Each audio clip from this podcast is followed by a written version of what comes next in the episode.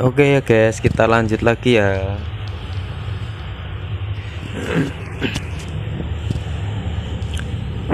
Ini yang di bawah ini bisa kalian kasih desa atau nama kantor atau nama PT instansi kalian yang di bawah ini, yang di bawah Indonesia semakin maju ini. Kita coba kita kita ketik ini ya di desa kita ketik desa sekitar desa saya ya. Desa Sewurjo Mojokedang kita kasih warna warna yang biar baca. Oh ya teman-teman jangan lupa di save ya.